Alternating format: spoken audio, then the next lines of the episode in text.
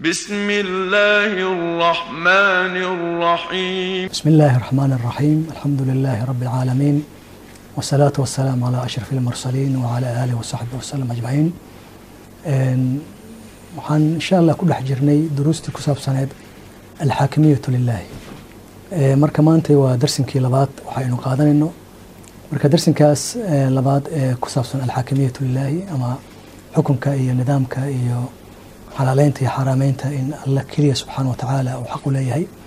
In aadanaha oo dhan iyo kownka oo dhan ilaahay maamulkiisa iyo suldaankiisa in uun uun asaga un u leeyahay ayaynu ku dhex jirnay. Marka ee, si gaara maanta waxaynu xoog u saareynaa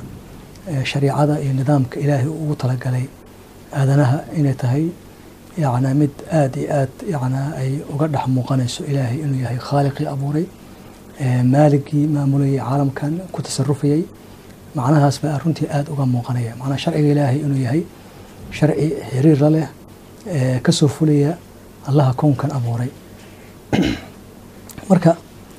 sida aynu soo aragnay islaamku waxaa weeye in qofku caqiida ahaanna uu maarata u rumeeyo waxdaaniyada ilaahay dhinaca kalena shacaa'irta iyo cibaadaadka uu sameynayana in alle keliya subxaana wa tacaala uu maaratay u qadimo oo u sameeyo ee,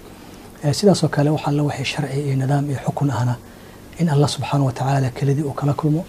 Dariiqa arrimahaas loo marayana ay tahay ee, dariiqii nabiga calayhi salaatu wasalaam taasna ay ee, sugayso oo caddaynayso macnaha ah shahaadada ee ah ana muxamadan rasuulullah. Marka arrintaas marka islaamka uu la gaarka yahay oo uu kaga duwan yahay dhammaan diimaha kale ama nidaamyada kale ee bini aadamka ay samaysteen waxaa weeye ee, sharcigan inuu yahay sharci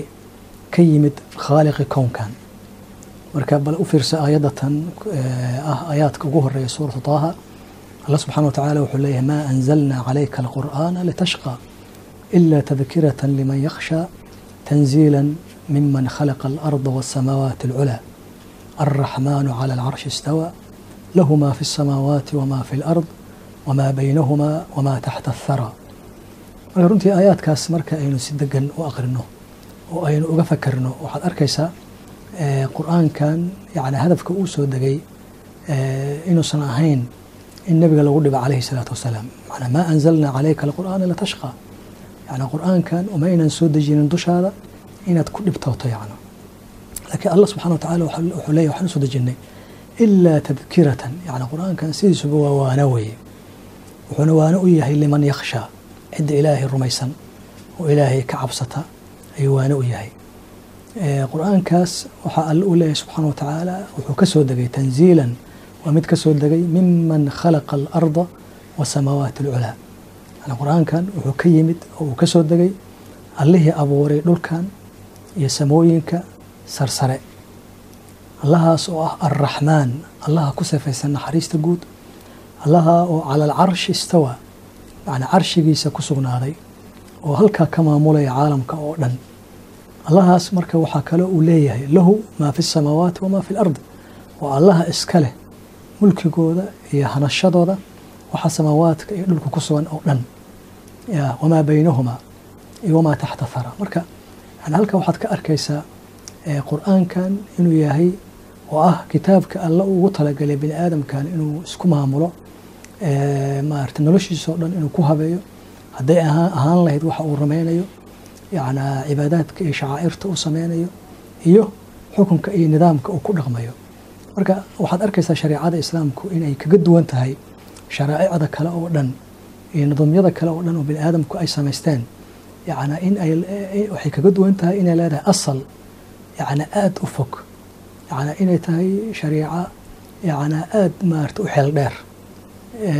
xaqa ay ku tirsan tahayna uu yahay xaq aada u weyn. Marka yani allihii kownkan abuuray oo caalamka oo dhan abuuray mulkiyadooda iska leh maamulayay ayaa sharcigan dejiyey maarata marka waa arrin shareecada islaamku ay kula gaar tahay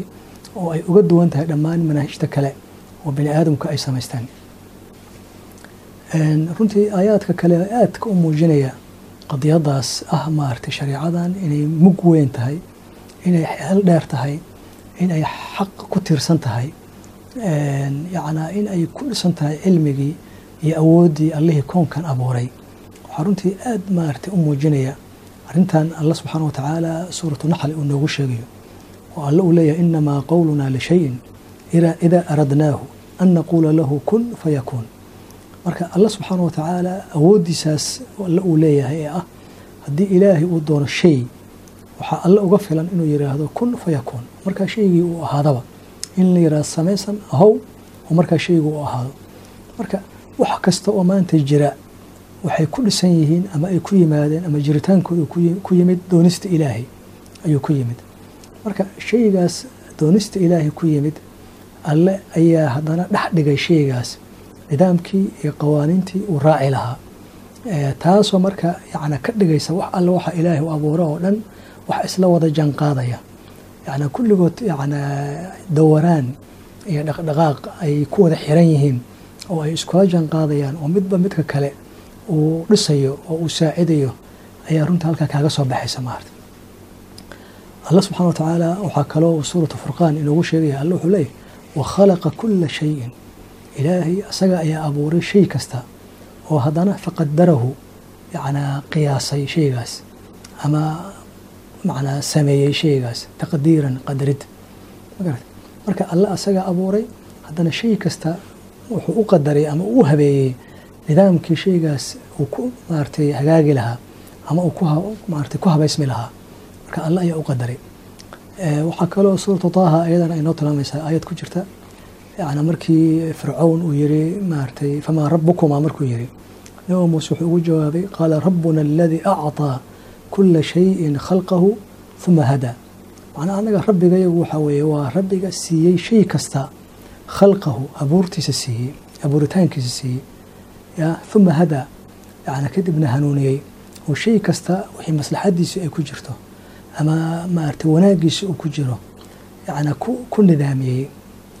oo sidaa ku abuuray marka aayaddaas runtii waa aayad aad runtii macnaha ay soo gudbinaysaa aad ka dhex arkaysid kownkan oo dhan khalqiga oo dhan oo aadanuhu uu ka mid yahay in ilaahay subxaanahu wa tacaala uu ka dhigay abuurtooda mid ku nidaamsan oo ku jaango-an sida ilaahay uu ugu talagalay subxaanahu wa tacaala. Iyo si markaas maslaxadooda iyo wanaagooda ay ku jirta yacna marka ayaddaas run ahaantii waa ayad aada u muujinaysa rabbinimada ilaahay yani aada u muujinaysa yan waxdaaniyada ilaahay marka waxaad arkaysaa dekada yan daqiiqnimada iyo maaragtay yana mucjisada ku jirta nidaamka kownkan oo dhan uu ku shaqaynayo oo uu aadanuhu ka mid yahay maarata marka inta yaroo maanta insaanku uu haysto oo uu dareemayo maaragtay yana horumarka yara insaanku u sameeyey waa nidaamkaas ilaahay uu ku abuuray weye maarata cilmigaas ilaahay insaanka uu siiyey daaqaadkaas ilaahay insaanka uu ku beeray awoodahaas ilaahay insaanka uu ku beeray yani waxaa maanta bini aadamka maadiyan yana horumarka ay dareemayaan iyo maaragtay yana xadaaradda ay dareemayaan iyo teknolojiyada ay dareemayaan. Waa waxaa weeye waa barnaamijkaas ilaahay insaanka uu geliyey oo u diyaariyey oo nidaamkeedii iyo qaabkii kownkan ay u fahmi lahaayeen ama ay wax ugala soo bixi lahaayeen alle ayaa ku hanuuniyey maarata sida yani waxay taasi la wadaagaan khalqiga kale ilaahay u abuuray maarata yani bahaa-imta kale faraha badan oo alle u abuuray xayawaanaadka ilaahay u abuuray yani kulligood nidaamkaas alle ugu talagalay bay ku hanuunsan yihiin allena uu ku ilhaameeyey. Laakiin bini aadamka waxaa u dheer arintaas yani mas'uuliyad baa u dheer. Iyo jaanib fara badan oo noloshiisa ka mid ah oo insaanka loo siiyey ikhtiyaar doorasho loo siiyey ayaa jira taas oo marka la rabo qofkii in si fitrada alle ku beeray waafaqsan iyo halka ay noloshiisa iyo xayaatadiisa ay ka soo fulayso allihii habeeyey inuu nidaamkaas kalena ka qaato ayaa insaankii alle ugu talagalay maarta. Marka yani runtii waa aayaddaas dul istaageeda macaani badan ayaa kaaga soo baxaysa yacna ayadan kale laftirkeeda suurat alaclaa ku jirta bilowgeeda sabix isma rabbika alaclaa aladii khalaqa fasawa alle waa allihii abuuray shay kasta oo haddana ekeeyey waaladii qadara alle waa allihii qadaray oo yana habeeyey oo haddana fahadaa hanuuniyey maarta. Marka yana allah subxaanahu wa tacaala hanuunkaas insaanka uu ugu talagalay iyo maaragtay yana fitriyan insaanka fitradiisa inay xaqa raadiso oo hanuunka ay raadiso iyo marka ay israacaan in aadanuhu noloshiisa dhan ikhtiyaarka u leeyahay inuu ku habeeyo ama khiyaarka uu leeyahay inuu ku habeeyo yacni waxyigaas alle xaggiisa uga imaanaya haddee wuxuu insaanka ka kororsanayaa nuur wuu ku kororsanayaa yacni noloshii oo dhan buu wuxuu ka helayaa maaragtay horumar iyo sacaada ayuu ka helayaa maarata marka halkaa waxaad ka arkaysaa sharciga ilaahay sharciga alleh waa sharci yacni la jaan qaadaya oo la tallaabo qaadaya nidaamka caalamkan oo dhan alle ugu talagalay. Wax alle waxa alle u abuuray barnaamijka uu ugu talagalay ayuu la jaan qaadayaa maarata marka yani xaqiiqada marka noo soo baxaysa waxaa weeye sida ayadda qur'aanka ay tilmaamayso suuratu acraaf ku jirta yacnaa allahaas iska leh abuurta aadanaha ama khalqiga oo dhan inuu abuuro iska leh ayaa amarkan iska leh oo suldaankan iska leh. Marka bini aadamka waxaad runtii aada ula yaabaysaa iyagoo garanaya in kownkan sunan iyo nidaam iyo qawaacid inuu ku soconayo kulligeed maaragtay ka soo wada fushay rabbigii kownkan abuuray. Haddana in aadanihii ay yidhaahdaan annaga ayaa si gaar ah waxaan u samaysanaynaa sharci iyo nidaam annaga noo gaar ah. Yani runta halka waxaa kaaga muuqanaysa inay tahay fallaaganimo insaankii uu ku dhacayo. Yani inay tahay jaahiliye insaankii uu ku dhacayo. Yani inay tahay burbur insaankii uu doortay ayaa kuu soo baxaysa maarta. Marka run ahaantii kownkan dhammaantiis maadaama uu ka soo fulay mashiicada ilaahay doonista alle qadarka ilaahay iyo qiyaasta allena ay dhaqaajinayso naamuuskaas iyo sharcigaas ilaahay ugu talagalana noloshiisa uu habeynayo haddee sida keliya nidaamka kownkan o dhan maanta maarata heshiiska ku yahay waa raacidda nidaamkaas alle ugu talagala weye marka ta keento weeye in nidaamka kownkaas uusan isduqayn ayaan ku dhacin ama khalal uusan ku imaanin. In yani xarakadaas ilaahay ugu talagalay uu ku socdo. Waa barnaamijkaas ilaahay uu u dejiyo weye marka kaasaa la rabaa maarata bini aadamkiina inay qaataan oo ay ku soo biiraan kownkii yana inay ku soo biiraan ayaa la doonaya marka ayadda marka runtii aad macnahaas inoogu soo gudbanaysa waxaa weeye isku xiraysa insaankii iyo kownkii iyo awoodda ilaahay. Waa ayaddii ku jirta suurata acraaf ina rabakum allahu aladii khalaqa asamaawaati waalard fii sittata ayaamin yani rabbigiinu waa allihii abuuray samaawaadka iyo dhulkan fii sittata ayaamin ku abuuray lix maalmood uma istawaa cala alcarsh yanaa kuna ekaaday carshigiisa yuqshi leyla annahaara allahaasoo habeenkii ku daboolaya maalintii yadlubuhu xafiifan iyadoo marka midkoodkan kale uu u dalbayo uu u raadinayo maarata si deg deg uu ku jiro waashamsa waalqamara waannujuuma yacnaa qeybahaas waaweyn ee khalqiga ilaahay ka mida sida qoraxda dayaxa xidigaha intuba alle wuxuu ku safeeyeen inay yihiin musakharaatin kuwa u leylaysan inay yihiin biamrihi ilaahay amarkiisa marka waxaa aada ula yaabaysaa kownkaas saas ilaahay ugu tasbiixsanaya. Amarka ilaahay saa u raacaya. Kulligiis u hogaansan allah subxaana wa tacaala in marka insaanku uu ka noqdo wax ka baxsan inuu noqdo. Wax diidan amarka ilaahay wax colaadinaya waxyiga ilaahay wax ka hor imaanaya rasushii ilaahay wax diidan ahlulxaq inuu noqdo. Yani runtii waxaad fahmaysaa inay tahay burbur iyo maaragtay baaba inay tahay yani marka allaha saas kownkii oo dhan ugu hogaansan yahay ugu leylisan yahay oo qoraxdii iyo dayixii iyo xidigihii ay ugu hogaansan yihiin allahaas ayaa wuxuu yahay keligii ayaa leh alaa lahu alkhalqu alla unbaa ay u sugnaatay khalqigii iyo amarkii. Tabaaraka allaahu ilaahay baa sareeya rabu alcaalamiina caalamiinta rabbigoodii ayaa sareeya marka runtii ayaddaas waxay aada u muujinaysaa kownkan iyo nidaamka uu ku socdo inuu yahay nidaamka keliya ilaahay uu raaliga ka yahay bini aadamkana loogu talagalay inay raacaan. Runtii marka aadanuhu wuxuu ka mid yahay ama insaanku wuxuu ka mid yahay kownkaas. Nidaamyada kownkaas ilaahay uu ugu talagalay ayaa isna dhinac kaga fulaya oo qeyb weyn qeyb buu leeyahay insaanka fitriyan. Uu raacsan yahay sharciga ilaahay iyo nidaamka ilaahay uu kula jaan qaadayo marka qeybta kale ilaahay uu ugu talagalay insaanka inuu si maaragtay doonis ah u qaatana haddii waa inay noqotaa mid shariicada ilaahay ay maamulayso. Ya marka sidaas oo keliya ayaa insaankii uu ku gaari karaa inuu maaragtay la tallaabo qaado fitradiisii yana fitradii wujuudka oo dhan si wanaagsanna marka ay isu raacaan oo halkaas insaankii uu ka helo yani wax badanna uu ka fahmo asraarta kownkan iyo qaabka u shaqaynayo. Marka shareecadaas ilaahay u dejiyey nolosha bini aadamka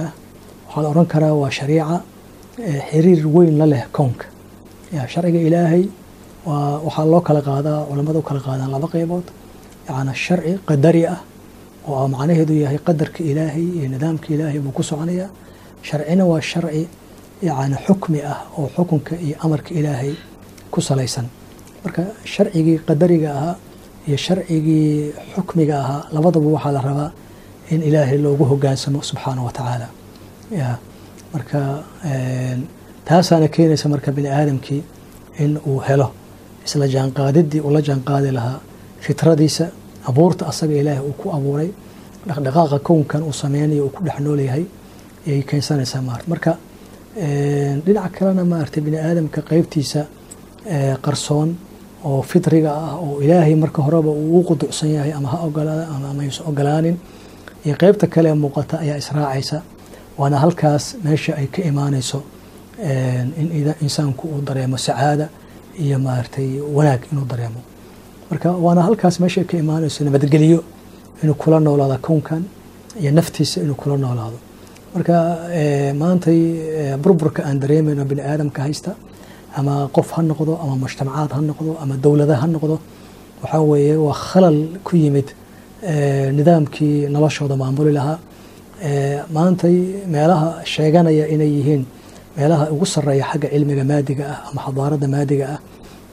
teknolojiyada dadka ugu sareeya dadka sheeganaya waa meelaha bini aadamku uu nolosha ugu adag uu ku noolyahay nolosha maaragtay yani mugdiga badan xambaarsan uu ku noolyahay waa meelahaas weye marka run ahaantii waxaasoo dhan ma ka kafayn karaan kamana dabooli karaan khataraha insaanka uu ku jiro iyo maarata burburka insaanka uu ku jiro. Marka dunida maanta aynu ku noolnahay cadaalad darada ka jirta dulmiga ka jira burburka ka jira meel walba dagaalada iyo mashaakilka ka dhacaya. Waxaa weeye asalkeedu waa jaahiliyadaas asalkeedu waxaa weeye in hawadii la raacay asalkeedu waxaa weeye in fitradii insaankan laga horyimid asalkeedu waxaa weeye yana in kownkii yana laga horyimid oo dagaal lala galay. Marka arrimahaasoo dhan baa maaragtay ka dhalanaya oo yani haddii waxyigii ilaahay la diido oo sharciga ilaahay la diido oo xukunka ilaahay la diido in aadanihii uu gelayo nolol mugdi ah nolol burbur iyo baaba ah inuu gelayo marka nolol insaanka u qalanta oo maaragtay karaamo uu ku helayo oo sharaf uu ku helayo oo salaam iyo nabadgelyo uu ku helayo waa waxaa weeye in nidaamkaas maamulaya kownka iyo nidaamka insaanka nafsadiisa iyo fidradiisa maamulaya iyo nidaamka qofkani uu dooranayo ka qof ahaan ka qoys ahaan ka mujtamac ahaan iyo ka maaragtay caalam ahaan inuu noqdo nidaamkaas alle ayaa bini aadamku horumar ku gaari karaa. Runtiina waxaa la oran karaa hawada oo la raaco waa waxa keenay dimaarka iyo burburka maanta kownka iyo insaanka haysta. Marka ilaahay baa inoo cadeey subxaana wa tacaala walow itabaca alxaqu ahwaa'ahum lafasadat asamaawaatu waalardu waman fiihina yani ilaahay baa inoo sugay qaacidadaas saldhigga ah ayaa inoo muujinaysa haddii dadku hadduu xaqa raaci lahaa hawadooda inay fasahaadi lahaayeen samaawaadka iyo dhulka iyo waxa gudahooda ku jira maarta waxaa kaloo alla subxana wa tacaala uu ayaad kale noogu sheegaya uma jacalnaaka calaa shariicati min alamri faatabicha walaa tattabic ahwaaa aladiina laa yaclamuun waxaanu kaa yeelnay calaa shariicati min alamri ee raac baa la leeyahay maarta. Walaa tattabic ha raacin ahwaaa aladiina laa yaclamuun hawada kuwa aan waxba garanayn marka sideedaba maaragtay waa inaynu kala dooranaa sharciga ilaahay miyaynu raacayna mise sharciga bini aadamka uu samaystay oo hawadiisana ah miyaynu raacaynaa marka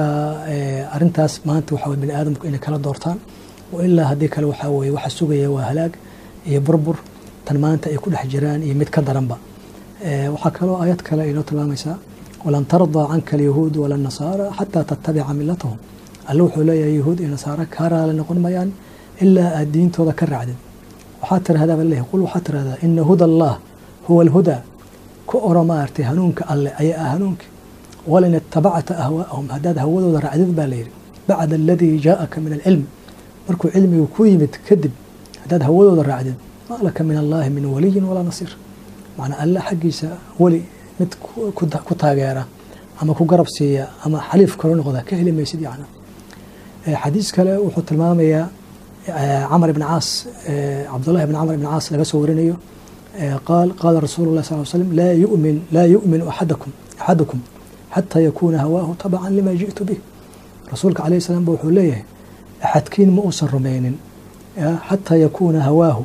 ilaa ay hawadiisu ka noqoto tabacan lima ji'tu bih mid raacsan wixii anigu aan la imid. Marka xadiiskaas wuxuu aada u cadaynayaa maaragtay laba shay oo iskhilaafsan inay yihiin. Imaa in rasuulka la raaco oo imaa in hawada la raaco. Marka wax kaloo maanta yani udhexeeya xaqii baatil ma jiraan. Xadiiskaasna waa xadiis xasanun saxiix weeye oo sanadkiisu uu saxiix yaha wey maarata marka waxaan ku soo gabagabeynayaa mowduucan abil ambiyaa ibraahim calayhi salaatu wasalaam doodii dhex martay asaga iyo ninkii boqortinimada sheegtay ee la oran jiray namruud yana ayaddii qur'aanka waxay oranaysaa alam tara ila aladii xaaja ibraahiima fii rabbihi? Bal ka waran maaragtay kii kula dooday nebi ibraahim rabbigiisa kula dooday bal ka waran. An ataahu allaahu lmulk in ilaahay boqortooyo uu siiyo darteed. Macnaa ninka namruud ah waxa uu xujo ka dhiganaya waxaa weeye inuu maamul awood leeyahay taas buu kula dooday. Marka nebi ibraahim baa wuxuu yihi rabbiy aladii yuxyi wayumiit rabbigaygu waa kan waxna nooleeya waxna dila yani isagoo raba markaa inuu tusiyo awoodda allihiisa iyo rabbigiisa u leeyahay. Markaasuu yihi ana uxyi qaala ana uxyi wamiit anna waa nooleyn karaa waxna waa dili karaa buu yiri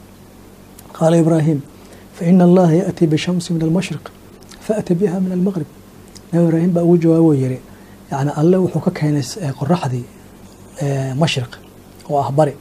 faأti biha min almaqrib kala imow dhinaca galbeed. Fabuhita aladii kafar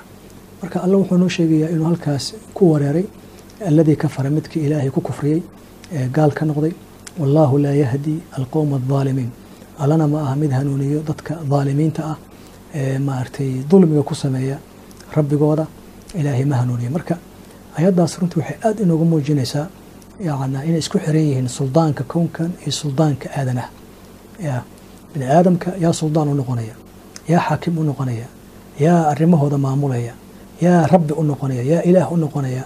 waa allaha waa rabbiga waa suldaanka kownkan oo dhan maamula ee awoodda ku leh. Marka runtii waa xujadaas xujada islaamka uu hordhigayo jaahiliyadda nooc kastay ahaataba. Yana kownkan ilaahay baa abuuray ilaahay baa maamulaya ilaahay baa hagaya. Marka asagoo un baana bini aadamka nidaamkii uu ku noolaan lahaana ugu talagalay yana marka bini aadamkuna wuxuu qeyb ka yahay kownkaas marka shareicada ilaahay oo la laasimo